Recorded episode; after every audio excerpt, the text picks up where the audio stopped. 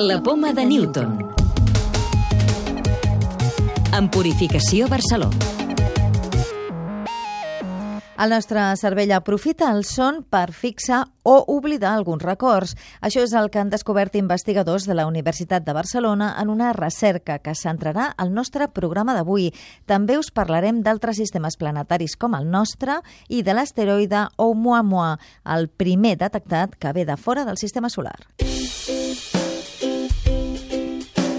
Científics de la UB han descobert que durant el son els records relacionats entre ells activen el mecanisme de la memòria i mentre dormim és quan es decideix si es conserven o no. També han conclòs que els que actuen com a desencadenants de tot plegat són els vincles que establim entre les nostres vivències diàries. Lluís Fuente Milla és un dels investigadors principals de l'estudi. Mentre estava en una fase concreta del son, el que fèiem era induir de forma artificial, mitjançant la presentació de sons, que certes memòries que acabaven d'aprendre es reactivessin. Memòries que estaven relacionades amb els sons que s'han presentat durant el son tendeixen a oblidar-se molt menys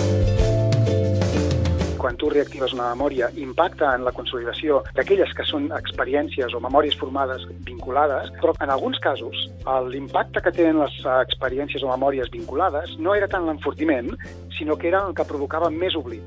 I quina funció té llavors l'oblit? Creiem que aquest mecanisme d'oblit està vinculat en poder ajudar a organitzar la informació perquè no sigui un caos. El cervell selectivament identifica memòries que tindran com a plus de, de romandre a llarg termini. De moment, però, no se sap per què el cervell conserva alguns records i en descarta d'altres, però sí que un possible criteri és que siguin fets que ens han provocat un important impacte emocional. Un dels criteris és que aquella memòria tingui un impacte, un impacte emocional, que tingui un valor que sigui important de cara al futur. Sabem que aquella memòria que tu has tingut durant el dia, quan arriba la nit, és com si tingués una petita bandereta, que quan el cervell ha d'anar a seleccionar quina reactiva, aquestes van en primer terme.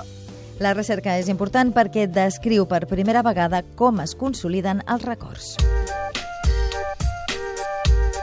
La NASA creu que l'univers hi pot haver diversos sistemes solars similars al nostre. L'Agència Espacial Nord-Americana treballa amb aquesta hipòtesi després de la descoberta d'un nou exoplaneta a l'estrella Kepler 90, el vuitè, la qual cosa fa que es tracti d'un sistema planetari molt semblant al nostre. Andrew Battenburg és investigador de la NASA.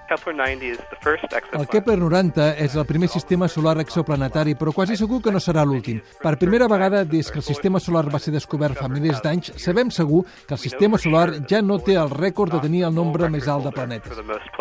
La forma del cervell pot determinar l'aparició de símptomes de trastorn obsessiu compulsiu, TOC en infants sants. És el que apunta un estudi de l'Institut d'Investigació Biomèdica de Bellvitge i Divell i de l'Institut de Salut Global de Barcelona, IS Global.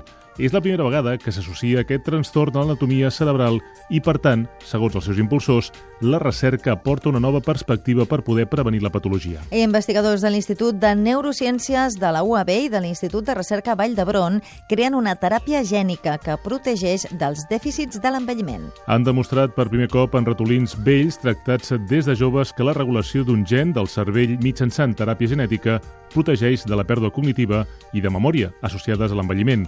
L'estudi és un pas important cap al desenvolupament futur d'un fàrmac basat en aquest gen associat a la neuroprotecció. La clau de volta. Com sabem que l'asteroide Oumuamua ve de fora del sistema solar? Jordi Eloi, de l'àrea de recerca i coneixement de l'obra social La Caixa. Primerament perquè presenta una òrbita hiperbòlica i, per altra banda, presenta una gran inclinació respecte al pla del sistema solar i viatja a gran velocitat, uns 26 km per segon a velocitats superiors a les necessàries per poder escapar del camp de gravetat del Sol i, per altra banda, com que ve seguint una trajectòria molt inclinada respecte al sistema solar, no ha guanyat velocitat degut a una interacció amb els planetes del sistema solar, sinó que ja li ve de mena. Recordeu que ja podeu descarregar-vos el podcast de la Poma de Newton o subscriure-us al programa per rebre'l directament als vostres dispositius.